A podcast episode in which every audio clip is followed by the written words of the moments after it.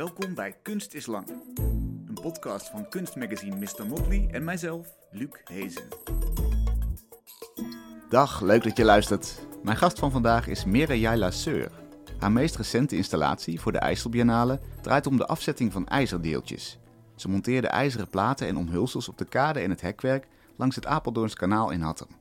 Uit kleine schelpachtige openingen sijpelt water, zodat er na verloop van tijd een spoor van roest ontstaat en daarin openbaren zich losse ijzerdeeltjes uit ons grondwater.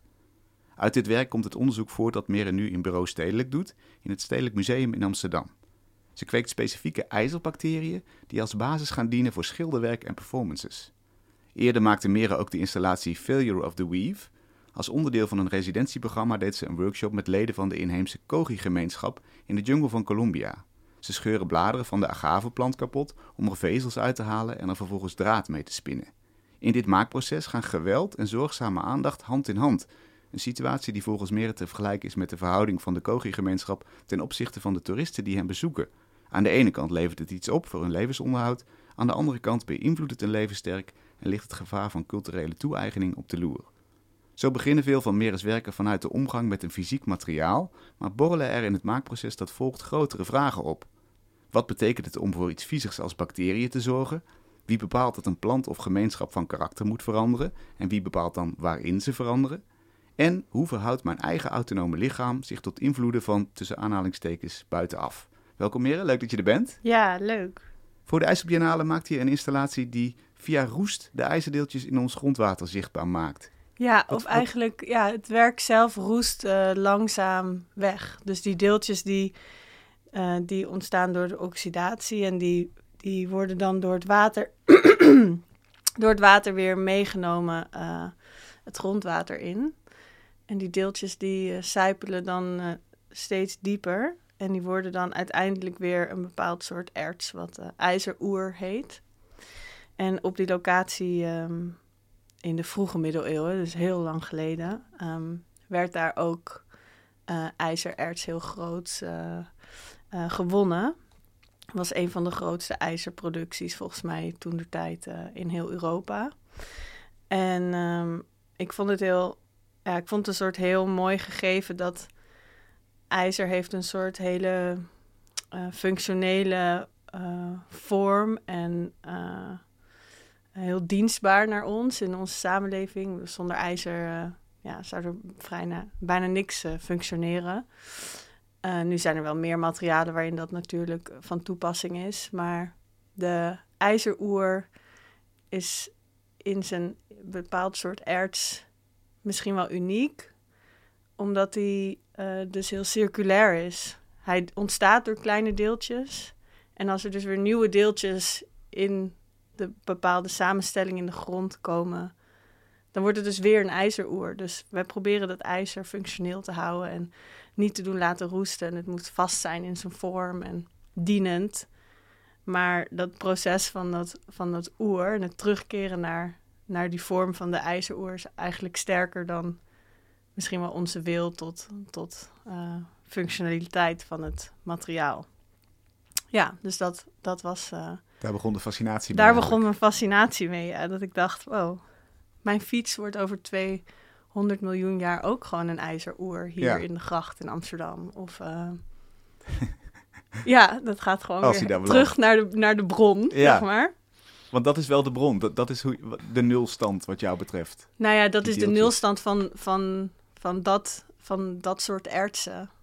Um, die zijn ook weer tot stand gekomen doordat er, um, uh, doordat er glaciers uit Scandinavië door Nederland gleden, zeg maar. En die namen van origine uh, die ijzerdeeltjes mee. Ja, dat smeltwater daarvan. Ja, dus ja, dat komt natuurlijk ook altijd weer ergens anders vandaan. Um, het laat in ieder geval zien dat het een hele andere tijdlijn is ja. dan ons menselijke kleine ja. gepruts. Ja, ja, precies. Ja, en ik vind altijd ja, dat je zo, zo'n brugleuning ziet waar je dan zo uh, verf, wat er zo, dan zo afgebladerd is. En dat dan zo roest en allemaal bubbeltjes die daaronder komen. En dan je ziet gewoon een soort drang. Of, nou ja, drang, dan vermenselijk het misschien heel erg. Maar er is een soort uh, uh, een soort kracht die sterker is dan, dan, dan onze wil om een bepaald materiaal in één functie of vorm uh, te behouden. Ja. Ja. Is dat hoe het begint? Dat je dat, je dat ziet en dat je, dat je denkt dat ijzer probeert eruit te kruipen, als het ware, onder die groene verflaag vandaan? Ja. Ja. En dan gaat het bij jou borrelen? Ja, dan, ik dacht van, oh ja, waar, komen, waar gaan die deeltjes dan naartoe en hoe uh, worden ze opgenomen door de natuurlijke omgeving, door planten of andere organismes, of blijven ze op zichzelf staan? Nou, deze deeltjes blijven dus helemaal ja, op zichzelf. Ze worden niet meer, ze worden niet opgenomen door iets anders. Dus ze zoeken elkaar ook weer op, eigenlijk op een bepaalde manier, um, doordat ze oxideren en klonteren opnieuw uh, samen. Ja. En dat ja, is dat ook inderdaad, een- dat proces is ook interessant, want eh, er- het is een reactie met zuurstof. Ja. En hele kleine deeltjes gaan dan los van dat oppervlak. Hè? En zo krijgt die Ja. zuurstof steeds meer grip Ja, op, dat, op dat staal. Terwijl, terwijl wij eigenlijk denken van dat, dat is gewoon dezelfde vorm gebleven. Er is niks aan de hand. Ja, nee, het gaat eigenlijk ja, steeds een, die, een laagje dieper eh, roesten. Dus het eet eigenlijk zo, Ja. bijt eigenlijk langzaam het materiaal weg. En er zijn ook, ik bedoel, in dit werk zijn dus hele grote delen die ik heel lang gepolijst heb, waardoor het heel spiegelend en glimmend is. En bepaalde paden of banen heb ik dan besloten om die onbewerkt ehm, te laten, waardoor het ook een soort niet afgeschermd is van zijn omgeving. Dus dat, dat blijft blootgesteld. Ehm, ja, het is ook een kwestie van tijd voordat, voordat hij ook weer buiten de gebaande paden treedt, zeg maar, die roest. En heb je dan het gevoel dat jij, laten we zeggen, het natuurlijke gedrag van die roest laat zien? Of, of stuur je het ook? Zit, jouw zit jouw werk als Mm. ma- hand te smaken daar ook in? Nee, ik maak die banen natuurlijk wel. Dus Ja. er is wel een soort idee van, oh, het is mooi als er zo'n soort patroon overheen komt. En, maar er zijn ook sommige banen waar eh, het water dus niet goed doorheen gepompt wordt. Ja, die roesten veel langzamer. Dus het maakt wel, de manier waarop het water over die baan heen loopt, is ook nog wel, ehm, eh, ook nog wel leidend in hoe de vorm wordt, zeg maar. Nou, is Dus dit het een is een soort samenwerking misschien. Ja. Ja. Ja. Ja. je kijkt er vertwijfeld bij. Ja, omdat samenwerking klinkt zo alsof. ehm, kijk, ik kies er natuurlijk voor. En ijzer is gewoon ijzer. Die... Ik moet ook altijd oppassen dat ik niet alles heel erg. eh, materialen heel erg vermenselijk of heel erg. ehm, dat kan op sommige momenten in een proces ook heel ehm, fijn zijn of inspirerend zijn. Of, Mhm. eh, maar ja, het is uiteindelijk ook. Ik bedoel, de agave is ook gewoon een blad en niet een mens. En Ja. dit ijzer is ook gewoon ijzer. En wat is dan het gevaar als je dat te veel zou doen? Ehm, ja, ik denk dat het heel erg iets romantiseert. Ehm, wat misschien niet, eh, niet nodig is ook. En ehm, ja, en ik spreek voor iets wat misschien niet, als je het soort heel heftig zou zien, wat niet voor zichzelf kan spreken of zo. Of ijzer, ja, ijzer is gewoon wat het is. Mm. Ehm, ja, en dan kan ik heel erg zeggen, oh ja, ik vind dat het zich zo gedraagt. En dan is het een samenwerking tussen mij en het ijzer. En, maar ja, dat ijzer, het is helemaal geen samenwerking eigenlijk. Dat ijzer doet gewoon wat het doet. Ja. Eh, die trekt zich natuurlijk, eh, als je het nog even in het menselijke houdt, vrij weinig van mij aan. ja. Ehm, Het is grappig inderdaad Ja. dat je tijd heen en weer ja, dus, daarin. ja, maar dit gebeurt eh, ja, vaak in Maar mijn het is proces. natuurlijk niet erg, dat maar, ik- maar kunst heeft misschien ook een beetje magie nodig. Toch? Een specifieke precies. blik die, je anders laat kijken naar wat er, wat er al is. Ja, Anders moet je gewoon een natuurkundige erbij halen en die, die een Mhm. soort van ja, zeker. betoog houdt over hoe het precies werkt. En dan weet je dat op een gegeven moment. Punt. Ja, ja, dus ik denk dat ik me ergens ertussenin bevind. Ehm, tussen een soort compleet eh, fantasieverhaal maken over een bepaald proces, een bepaald materiaal, of een bepaald materiaal wat in transformatie is. Wat natuurlijk wat vaak terugkomt in mijn werk, is dat ik. Het is niet alleen een materiaal waardoor ik ehm, soort gegrepen word, maar het is een materiaal wat, wat in verandering is. En dan, ja, op welke stadia van die veranderingen verliest het materiaal, of het, het originele vorm of het originele materiaal zichzelf, Ja. zeg maar, tussen Ja. aanhalingstekens. Wanneer wordt het iets En anders? wordt het iets anders. En, en- Definitief. ja, en wie bepaalt dan, wat zijn die stadia? Heeft dat te maken met wat ik kan zien met mijn blote oog of eh, met iets anders? Nou Ja. ja, dat zijn natuurlijk ja, dus ik ben niet per se geïnteresseerd in een soort heel uh, uh, een verhaal wat alleen op, op fantasie is gebaseerd. Maar inderdaad, als ik gewoon een uh, scheikundig of natuurkundig proces wil blootleggen, dan kan ik dat ook op een A4'tje schrijven. Ja. Dan hoef ik geen installatie te maken. gewoon een, een linkje naar een klokhuis-uitzending en, Ja. en dan ben je er ook. Dan ben je ook klaar. Ja. Ja. is minder werk voor mij. ja. Heb je dat voor jezelf helder? Wat, wat eigenlijk jouw taak, dat klinkt heel groot, maar als kunstenaar is, wat, voor- wat voor soort kunst Mm. wil je maken? Zit dat inderdaad daartussen? Tussen, tussen het feitelijke en het, het fantasierijke? Ja. Ja, en dat gaat ook. eh, er zijn ook. En die zijn niet altijd eh, synchroon, denk ik, in het proces. Dus er zijn vaak momenten dat ik. eh, dat ik misschien schrijf en dat ik alleen maar met een soort fantasierijk iets bezig ben. En dan ja, bots ik op een gegeven moment tegen iets aan, waardoor ik denk: oh ja, maar. Hier kan ik ook niet. Ja, hier kan ik ook eindeloos in doorgaan of zo. Dan wat, wat is het dan? En hetzelfde met als ik met een, met een, met een scheikundige praat, bijvoorbeeld over een bepaald proces. En dat ik dan ook, eh, nou ja, dan zit ik daar helemaal in. En dan moet ik, eh, ja, of ik loop er, ja, of ik loop erin vast, of ik moet mezelf eruit trekken dat ik denk, oh ja, dit wordt, dit gaat heel erg over die ene kant van iets. En ik denk dat ik probeer een soort tussenweg te vinden. Nou ja, ook omdat wetenschap natuurlijk heel vaak eh, gezien wordt als, als iets zonder fantasie of zonder eh, verbeeldingskunst. Mhm. Of, terwijl dat is volgens mij helemaal niet eh, het geval per se. Ehm, Je moet je eerst kunnen verbeelden wat er misschien is. ja, voordat je het kan vinden, Ja. voordat je het kan bewijzen of voordat je het kan onderzoeken. Ehm, ja, dus waar zit, waar zit de verbeelding in, in, in de wetenschap en waar eh, zit de wetenschap in de fantasie misschien? Of Ja. waar, waar zit de...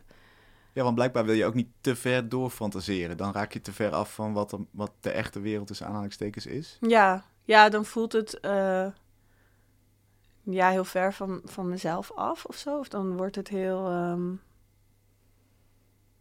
ja, dan staat het los van, van alles, alle aardse dingen Ja. of zo. En dan ja, wordt het te los. Vrijblijvend. misschien. Te vrijblijvend, ja. Je bent nu bezig met ijzerbacteriën Ja, in bureau stedelijk. Ja, dat kwam eigenlijk ehm, direct voor uit eh, dus dat onderzoek wat ik deed ehm, voor de IJsselbiennale. Omdat ik, nou ja, ik had mijn studio en ik dacht, oh ja, roest en ijzer. Dus ik ging overal, had ik kleine emmertjes en tankjes en aquariumpjes met ijzer. En dan opgezocht wat voor formules ik kon bedenken, zodat, zodat eh, ijzer op verschillende snelheden zou roesten. En Ehm, wat voor kleuren kan ik daarmee maken? En op een gegeven moment was ik drie weken even niet in mijn studio.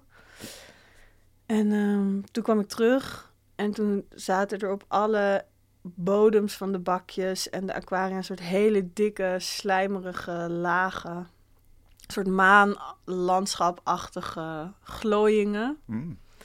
Ehm, en toen dacht ik, wow, wat is dit? en dat waren ijzerbacteriën. Dat wist ik toen nog niet, maar...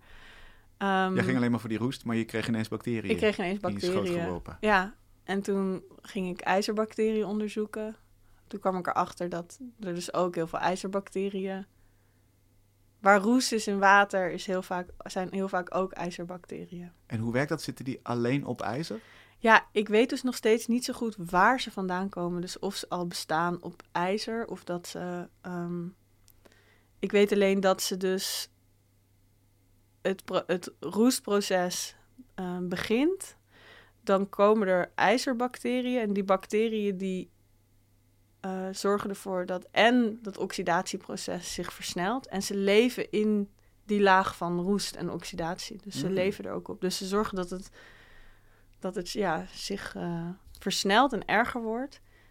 En ze eh, genieten ervan. En jij hebt nu dus de zorg over... Ja, en toen dacht ik, oh, ik ben eigenlijk dus al eh, maanden bezig met een soort moederen en zorgen voor deze gekke, slijmerige, vieze.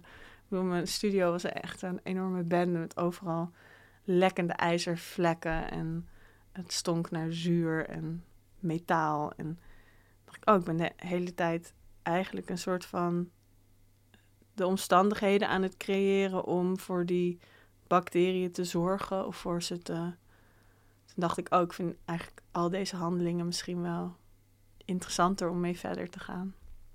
Dus dat werd, zo werd eigenlijk het ene werk heel natuurlijk het, het begin van het andere Ja. werk. Ja. En hoe, hoe voelt dat dan om voor bacteriën te zorgen? Is dat, eh, vo- voelt het als een soort huisdier of zo? Of, of hoe waar vergelijk je het mee?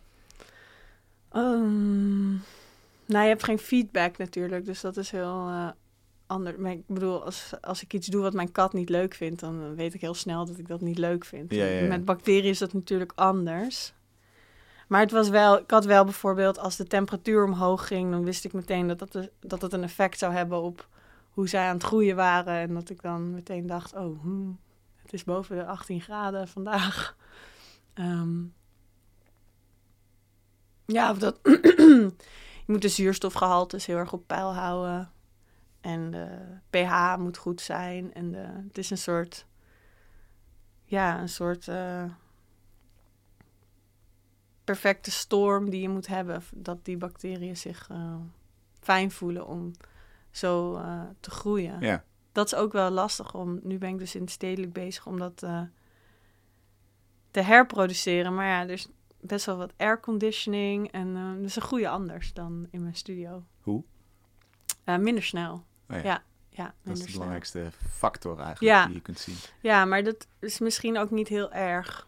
Eh, ze zijn eh, aanwezig en het, het, het gaat ook steeds meer weg van wat die bacteriën nou eigenlijk zijn of hoe ze zich gedragen. En de vraagstelling gaat veel meer naar een soort, oh, hoe, wat betekent het om te zorgen voor iets wat een, wat een, eh, wat ook gevangen is, bijvoorbeeld.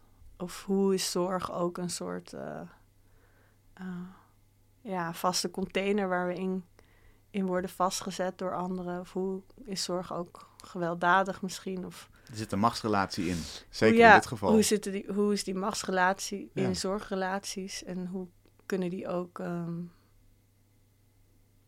uiteindelijk niet zo zorgzaam zijn misschien? Ja, en hoe doe je dat dat? Dat trek je dan denk ik ook breder. Neem Ja. elkaar aan buiten de, de bakken met bacteriën. Zeg maar. Ja. Kijk je dan ook naar je eigen leven of naar Mm, structuren van, van zorg in de maatschappij? Hoe breed gaat het? Ja. Ja, soms wel. Ik heb heel lang naar ehm, moederschap gekeken ook. En niet per se moederschap als zijnde dat je dan daar vrouw moet, voor moet zijn, maar een soort moederen voor iets. Een Mhm. soort die behoefte om altijd maar ehm, om te zorgen of om belangrijk te zijn voor iemand of te zorgen dat anderen zich goed voelen of voor ehm, die herkende ik denk ik ja die herkende ik wel heel erg. Toen dacht ik oh het is wel een, een mooie om verder te ontwikkelen met die handelingen die ik eh, dus dagelijks deed in de studio. Dus eigenlijk die repetitie ehm, van al die handelingen en al die bakjes die ik dan ook weer in en uit elkaar ehm, eh, leegde met dat water wat er dan in zat. Ehm, en dan weer nieuwe containers. En nou, ik heb ook de bacteriën eruit gehaald en gedroogd en pigment van gemaakt. En daar schilder ik mee. Dus het is ook, ja, ze gaan misschien, ik weet niet of ze dan echt dood dood zijn. Of, maar mm, ja. Het lijkt me niet prettig voor ze. Ja, het is, ja, ik ben misschien niet een hele lieve moeder. Ehm, Snijdt dat, het, snijdt dat dan in je... nee. Nee.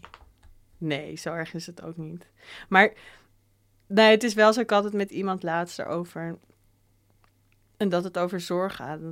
En, die persoon zei toen, huh, maar je bent ze ook ah, aan het uitmoorden of zo eh, hier. En dan, Ja. hoe hoeft dat dan... ehm, hoeft dat er dan mee te maken? Of je bent niet alleen maar voor ze aan het zorgen. Maar dat is denk ik juist...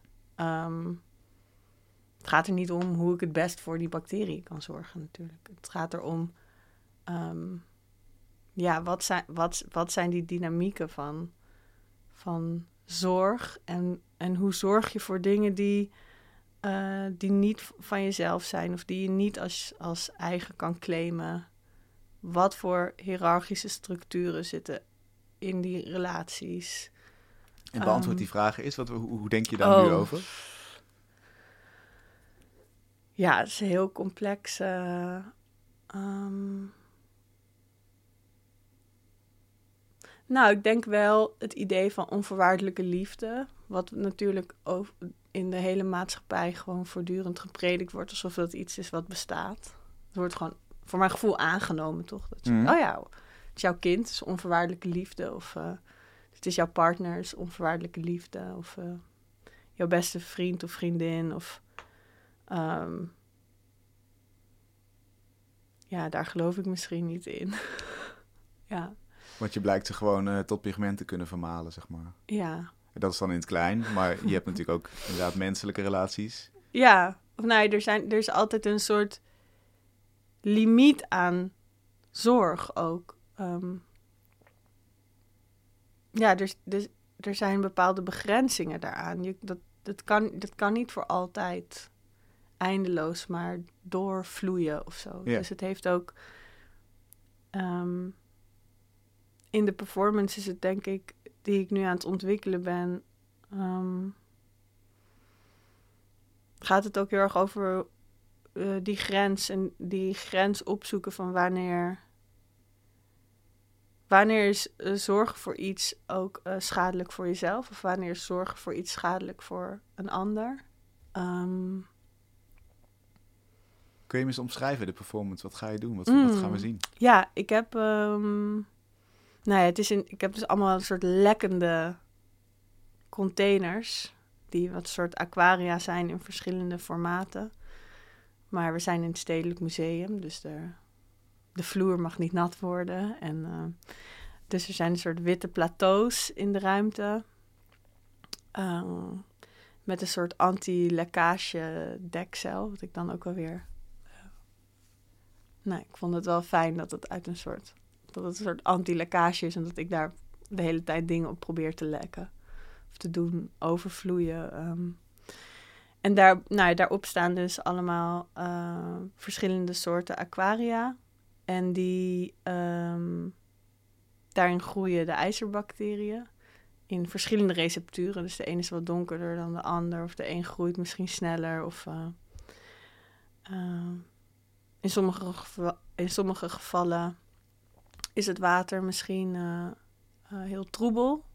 En in andere is het helder. Dat heeft ook mee te maken wanneer ik het water in en uit de containers haal. En ik heb een aantal ehm, glazen objecten geblazen van mijn eigen, met een soort imprints van mijn eigen lichaam. Dus ik heb een soort grote vierkante belachtige vormen waar dan een soort eh, torso in is gedrukt. Oké. En die kan ik eh, op mijn lichaam eh, dragen. Dus die kan ik een soort vasthouden, omarmen, ehm, door de ruimte heen eh, bewegen. En in, in die objecten zitten ook weer eh, bacteriën en water en groeien er allemaal dingen. Als een soort toegevoegde buik, bijna. Ehm, ja, hij is wel vierkant. Ja. Ja. Dus het, is niet, het ziet er niet uit alsof ik, een soort, alsof ik zwanger ben. Nee, nee, nee. nee. Nee. Maar, ehm, maar ja, ik draag wel iets of ik omarm wel iets. En er zijn, ehm, ja, met die, met die containers, die dus, oh, het zijn ook een paar gezichten trouwens, eh, in transparant glas. En in die containers ehm, worden de hele tijd handelingen gedaan van eh, in en uit elkaar vloeien. Ehm, er is een gedeelte waarin ik ehm, met een gezicht eh, in mijn arm door de ruimte loop. En heel langzaam zijpelt er steeds. Met elke beweging van mijn lichaam zijpelt er dan een klein beetje water uit, uit dat gezicht, zeg maar. Want het is een holle vorm. Ehm, ja, het zijn, het zijn eigenlijk een soort ehm, sequences waarin er allerlei verschillende handelingen elkaar opvolgen. Die dus voortkwamen uit handelingen die ik deed in mijn studio terwijl ik voor die bacteriën zorgde. En sommige handelingen zijn ook daar, of acties zijn ook daar weer los van gekomen. En het klinkt inderdaad alsof je het zorgen, bedoel, je, je tilt iets op, je draagt iets, je omhelst iets. Ja, Tegelijkertijd uh, morsten van alles, kost Ja. het jouw energie. ja, Jouw beweging zorgt ervoor dat er iets misgaat, om het zo maar te zeggen. ja. Dus daar zit die dualiteit heel erg in. Van Ja, dat zorgzame. iets niet eh, vangbaar of stabiel is. Of eh, ehm, vast te houden in één. Ehm, ja, In al- solide vorm. in één solide vorm. Of ja, alles heeft in principe, als er, als er geen interactie is, dan, dan eh, vloeit er geen water uit eh, de containers. Of dan is alles in een soort rustpositie. Maar ehm, door mijn aanwezigheid eh, wordt er heel veel gemorst en wordt het vies en messy. En, eh, ja. ehm, Maar groeien er ook dingen en in ook eerste dingen. instantie? Ja, ja, Ja. ja. Hoe, hoe zie jij dit als je kijkt, als je een beetje uitzoomt naar, naar een mensenleven, een autonoom Mm. lichaam en alle krachten die daarop inwerken? ja. Als we nog verder uitzoomen. Misschien eh, heb je daar een idee van hoeveel ben je autonoom en hoeveel Hmm. zit er in de, in, de, in de buitenwereld wat op je afgevuurd wordt en, en jou beïnvloedt?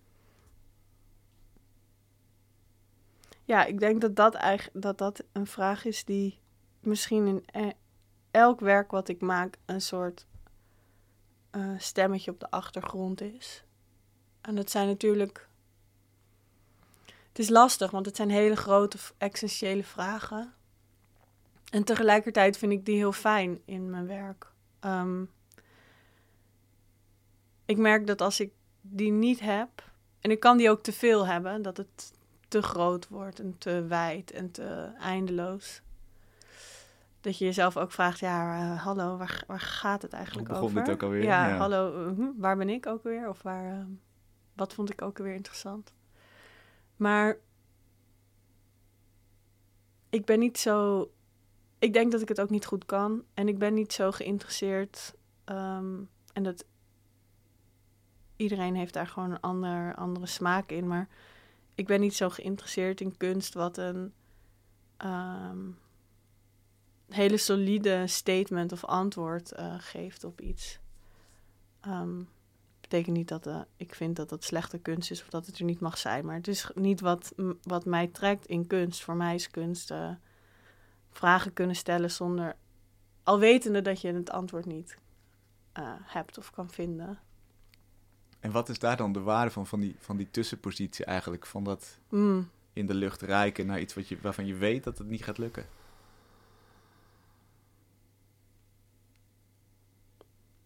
Het is zo lastig om hierover te praten zonder dat je heel cliché klinkt. Hè? Maar het is een soort. ehm, omdat er een soort actieve houding in zit. Ehm, omdat er iets in zit wat elke dag opnieuw bevraagd moet worden, misschien. Wat, je niet, wat ik daar gisteren van vond, is misschien niet wat ik vandaag erin vind in die vraag. Ehm, terwijl als je mij een antwoord geeft. in ieder geval voor mij, heb ik heel snel de neiging om dat antwoord vast te grijpen, me daar aan vast te houden. En dat is, dat is een waarheid. Oh, oh ik, heb, ik, heb, ik heb een houvast in het leven. Ik kan me daar, weet je wel. Mhm. En natuurlijk hebben we ook houvast nodig, maar Voor heel veel mensen is dat prettig inderdaad. Maar voor jou misschien niet. ja, ik word misschien. ehm, Ik ga dan eh, dat antwoord blind uitvoeren of ik ga, ik ga daar blind op varen. Ehm, waardoor ik me ook niet afvraag eh, wat er op dat moment de realiteit is waar ik me in bevind. Dus het is ook een soort. Het is ook hoe ik me navigeer door het leven. Een, soort hele persoonlijke reden waarom ik kunst maak, denk ik, is dat ik. ehm, ja, ik vind, ja, ik vind het leven kan gewoon zo. Ehm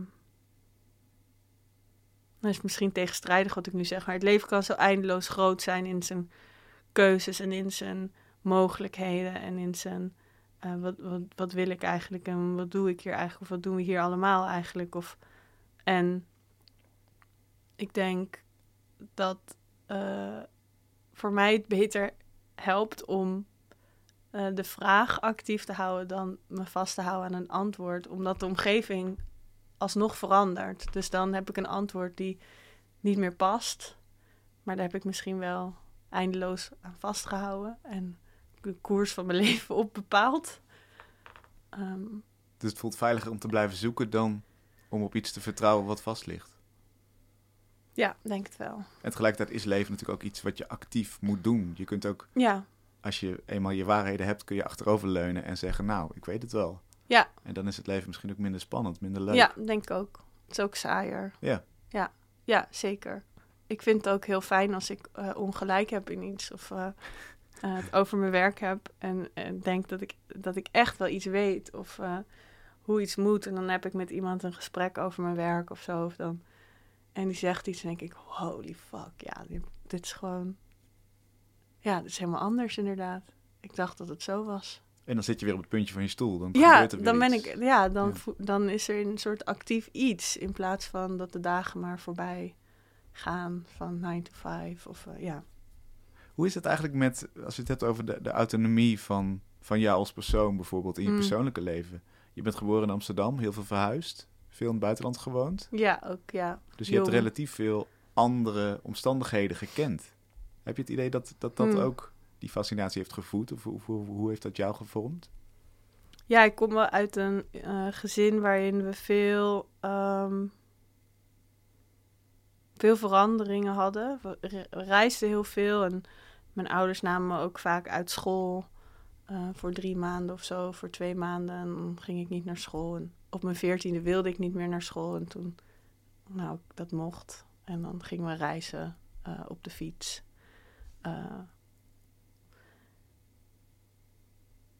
Ja, ik denk, mijn ouders hebben dat wel altijd heel erg ehm, eh, aangemoedigd, denk ik. De actieve vraagstelling in plaats van op zoek naar één vast antwoord. Hmm. Ja.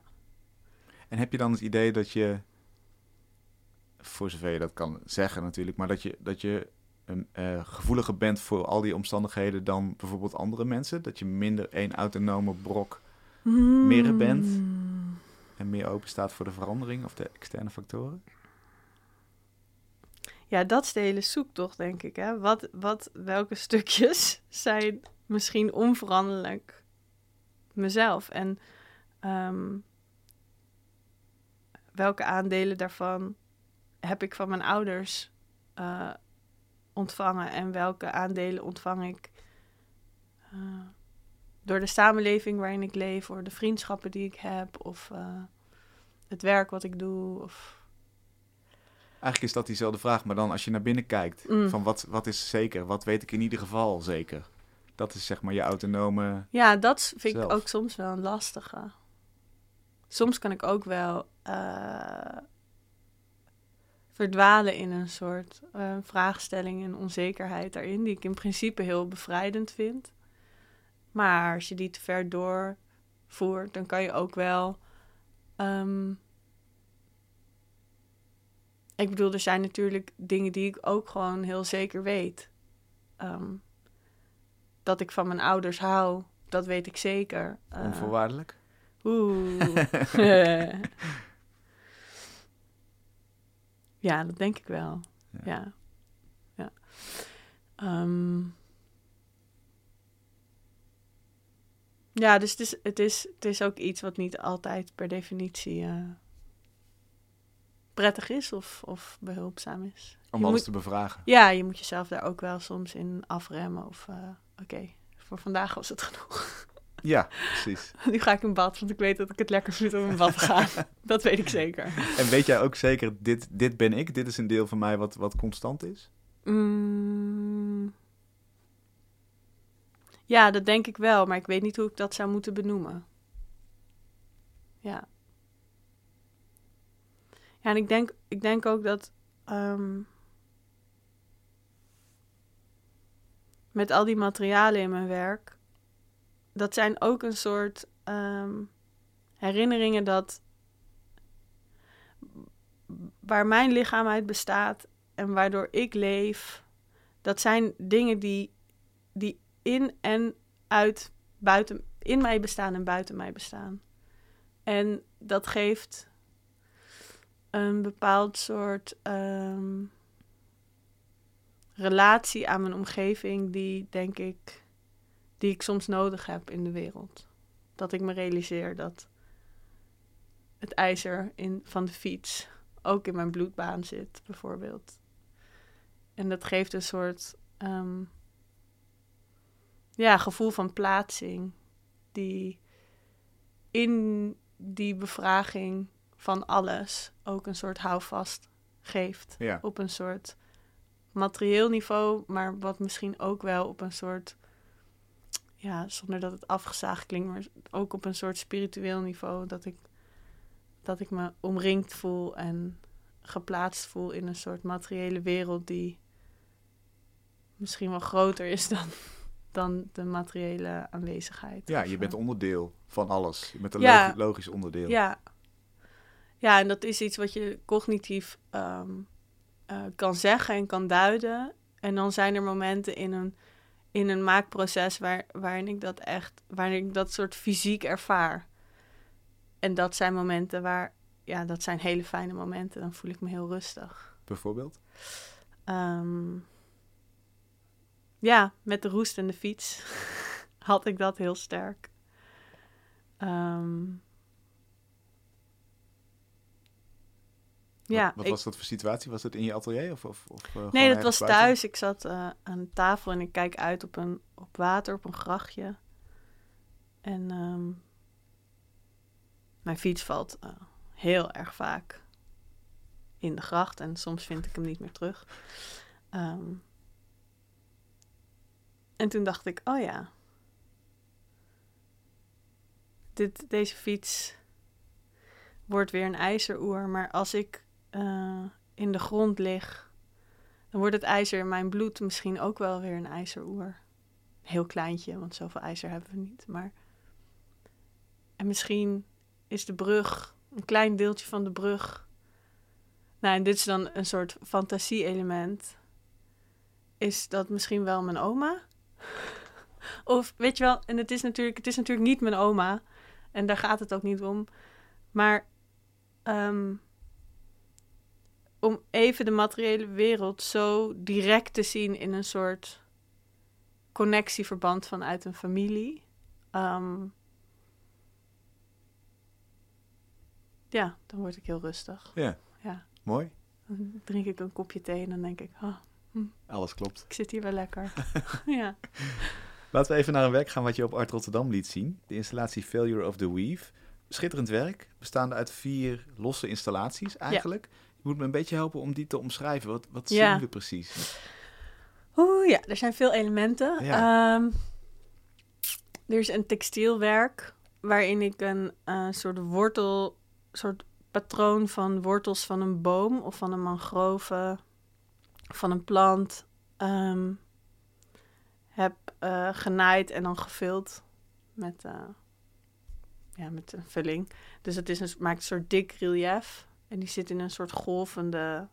Het is eigenlijk een soort tussenwand die niet strak is, maar golvend is. En die is, Is het golvend opgespannen, zoals, Ja, een golvend. bijna? ja, hè? ja, en die is eh, drie meter hoog en twee meter breed of zo. En die is opgespannen met eh, eh, vezels van de, eh van de agave plant. Dus langs de rails van dat, van dat frame ehm, ja, zijn een soort paardenstaartachtige gedraaide. Die heb ik allemaal zo om zichzelf heen gedraaid, alsof je een soort touw maakt. En die uit, ja, die is een soort paardenstaartig geworden. Ja, Ehm, van dus die vezels. Van de vezels. Ja, Ja, dus het, het lijkt op mensenhaar eigenlijk. het, lijkt, ja, het lijkt heel erg op mensenhaar. Ja. Ja. ja. Ehm, er is één onderdeel wat soort grote hout gegraveerde ringen zijn. Alsof allemaal wormpjes daar uitgegeten hebben en allemaal van die paden hebben gemaakt. En het is eigenlijk een soort hele grote eh, mobiel die langzaam ronddraait. En aan één kant is een hele grote aluminium ring eh, met allemaal kleine doorntjes. En aan de andere kant is er een hele grote soort dubbele doorn van geblazen glas. Die draait heel langzaam om zichzelf heen. En ehm, Dan zijn er nog ja, twee kleinere onderdelen. één aan de muur. zijn een soort ronde plak van keramiek. Met allemaal... Oh nee, er zijn nog drie onderdelen. Ja, een ronde plak van keramiek met, waar ik allemaal... Die vastgemonteerd is met allemaal eh, hele scherpe aluminium dorens. En er is een pilaar die... ehm, ja, ik denk ook ongeveer 3,5 meter hoog is. En dat is een pilaar van eigenlijk alleen maar van dat materiaal, van, dat, eh, van die vezels van die sissal of van die agave eh, bladeren. En daar komen een soort glazen vingerachtige tentakels uit. Ja. En ik denk in veel van de objecten in de installatie is een soort, zijn een soort scherpe, eh, doornachtige ehm, elementen en een soort draaiende beweging. Van, Ehm, van, de, van de touwen, ja, althans van Ja. de vezels die touwen worden. ja, ja, die zijn, eh, komen overal een soort terug. Ja. En ook daar zit weer dat, dat element van geweld ergens in. hè. Het heeft iets, die, zeker die, die dorens hebben iets Ja. gewelddadigs. En ook iets zachts, juist. Ja, dat was heel erg in dat proces. Ehm, ik was in Colombia voor een werkperiode en we gingen de jungle in. En naarmate de, eh, de residentie zich vorderde, werd het eigenlijk werd ik steeds ongemakkelijker. Omdat ik me heel erg realiseerde dat eh, hoe gewelddadig het toerisme is in die omgeving. En ehm, dat is misschien ook gedeeltelijk aan mij, dat ik me niet goed had ingelezen voordat ik ging. Maar ik kwam daar eigenlijk ja, gaande de weg steeds meer achter. En, eh, en dat ik merkte binnen de residentie dat onze aanwezigheid heel erg werd goed gepraat, omdat we kunst maakten. Hm. Nee, maar wij zijn geen toeristen. Wij zijn hier met oprechte interesse. Ehm, ja, maar toeristen kunnen hier ook met oprechte interesse zijn natuurlijk. En misschien is wat wij doen nog wel erger. Want wij maken er werk van. Waar wij eh, veel aan hebben, maar de inheemse bev- bevolking helemaal niet. Het was een soort workshop, tenminste. hè?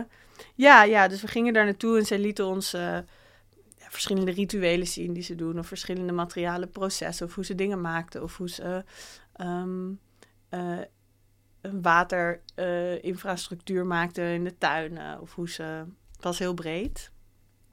En het ging ook over een soort eh, spirituele eh, verbondenheid met de natuur. En hoe zij... Dat was eigenlijk de bron van de... Of de de kern van de residentie was kunst, en, eh, kunst en natuur. Ehm, ja. ja, ik merkte gewoon dat ik het steeds lastiger vond en dat ik eigenlijk mijn aanwezigheid ehm, best wel gewelddadig vond daar. Ehm, maar Waar, zat hem dat in? Wat, waar- waarom vond je het kwaadaardig aanvoelen? Ja, omdat het niet een gelijke verhouding is. Het is niet, ik kies ervoor om daar te zijn. En zij zijn natuurlijk heel gelimiteerd in hun keuze om te kiezen of zij ons willen verwelkomen. Want zij krijgen ezels van ons en geld. En ehm, economische keuze is natuurlijk niet een vrije keuze ehm, als dat nodig is. Als je in zo'n situatie zit dat, dat ehm, dat jouw omgeving dat zo erg nodig heeft, dan is dat natuurlijk helemaal geen vrije keuze. Vaak wordt dat wel zo gezien, alsof... Nee, maar ik heb ervoor betaald, Ja, dus is- eh, je kan ook nee zeggen. Ja, maar als je, als je kinderen geen eten hebt en je ezel is dood... dan is het nogal lastig om nee te zeggen tegen ge- geld en een nieuwe ezel natuurlijk. En zeker Ehm, als het gaat om, om, om rituelen, om eh, een soort, soort, soort heiligheden Ja, eigenlijk. Als ja, het nou dat was ook heel lastig. van- ja, van- ik heb ook ik heb niet meegedaan aan die, ehm, aan die momenten. Die gebeurden vaak s'nachts. Ehm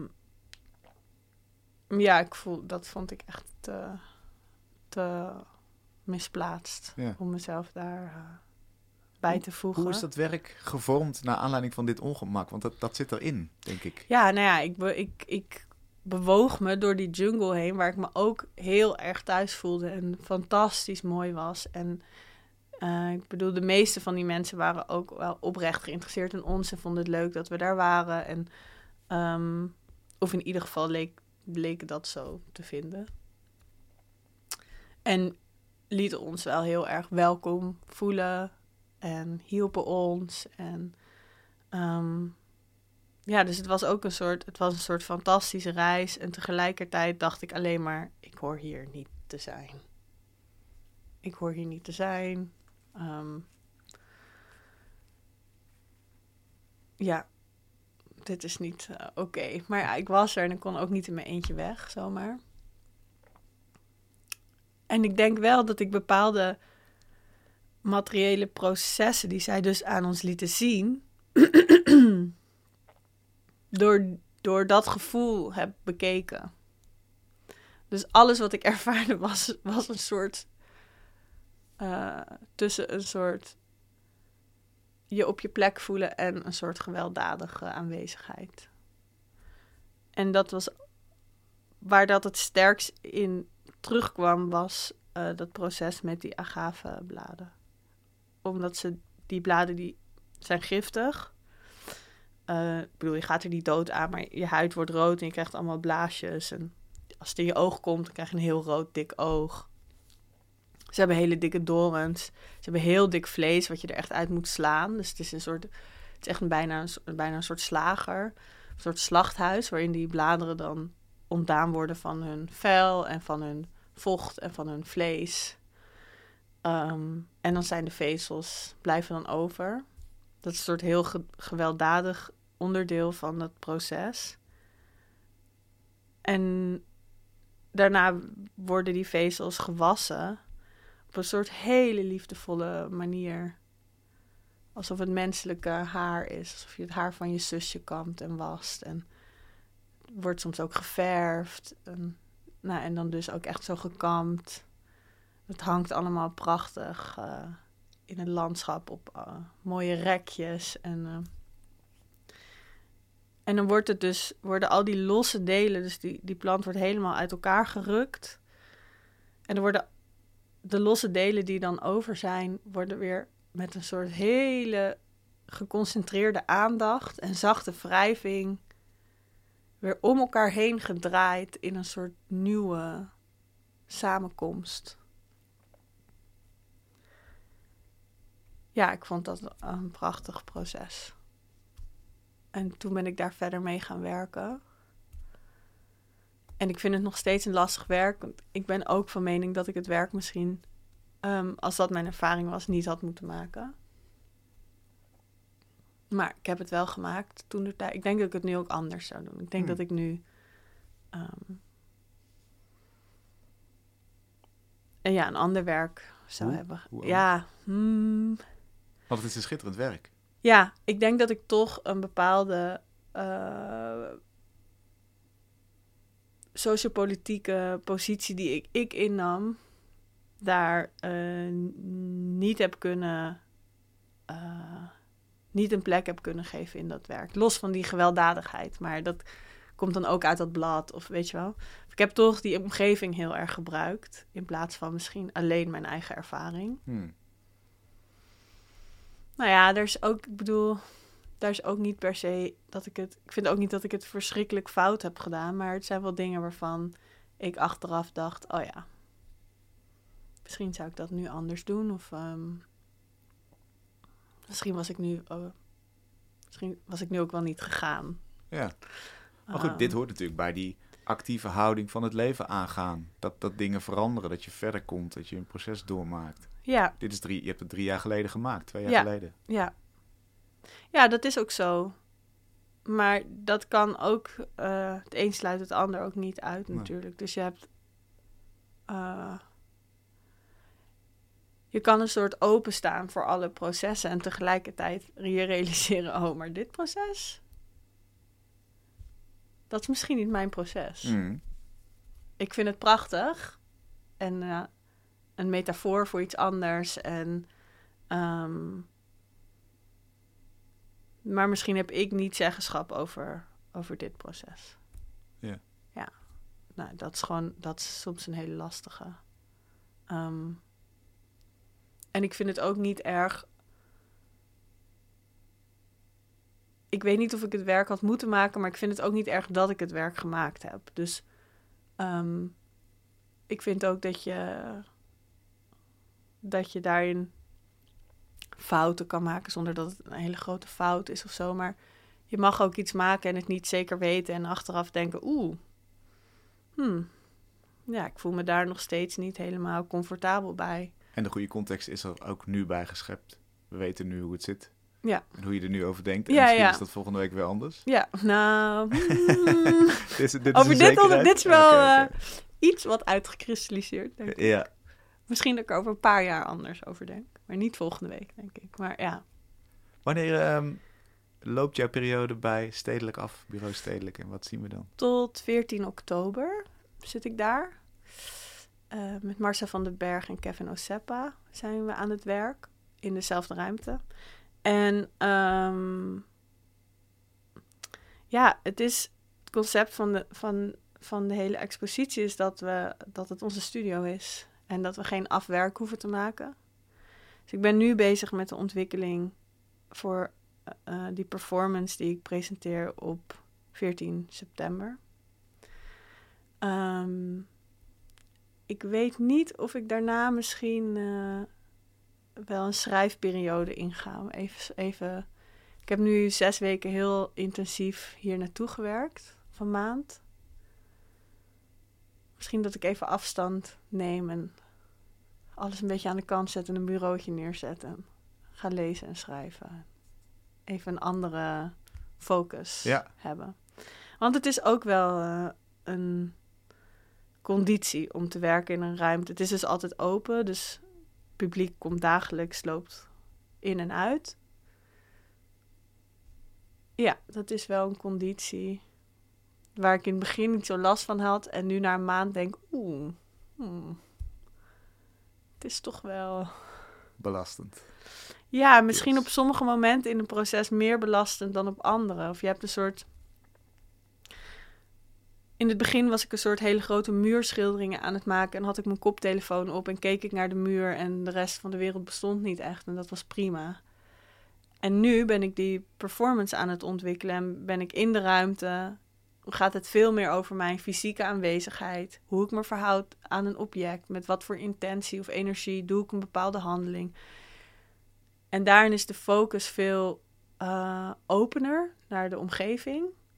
En daardoor veel fragieler naar wie er in en uit loopt. Of ja, er is een groep van 25 UvA-studenten in de introductieweek die dan lachend naar binnen loopt. Ja, dan kan ik overnieuw beginnen. Of dan moet ik wachten tot ze weg zijn. Of dan... Ja. Nou, ja, gisteren had ik gevraagd of de security iedereen even de ruimte uit wilde zetten. Wat ook kan, dus dat is fijn. Maar Het blijft een spel dus het met kan, ja, het kan zijn als je, als je 8 oktober komt kijken, dat je wat objecten ziet. eh, een grote muurschildering en een tafel met papier en mijn laptop. En dat ik aan het schrijven ben. Dat kan. Ik was ook gisteren, had ik heel veel water gemorst. Ik was aan het dweilen aan het eind van de middag. Toen kwamen er mensen binnenlopen en die zeiden zo... Oh, oh, what are you doing here? Wow. Is this a performance? En dat ik zo... Nee, ik ben Nee, kunst is ook heel, heel mundane. Ik ben gewoon mijn vloer aan het wijlen. Want je studio moet ook weer schoon zijn. En je... eh, ja, dat is een heel gek aspect. Alles wat, ik, wat we in die ruimte doen... is meteen performatief daardoor. Meteen werk en iets. En dat is zowel interessant als ook... eh, ja, het is een conditie. Dankjewel. Dank voor alle vragen en alle Ja, tussenposities die je ons voorschotelt. Leuk. Tot zover Kunst is Lang voor deze week. We zijn er volgende week weer. Heel graag. Tot dan.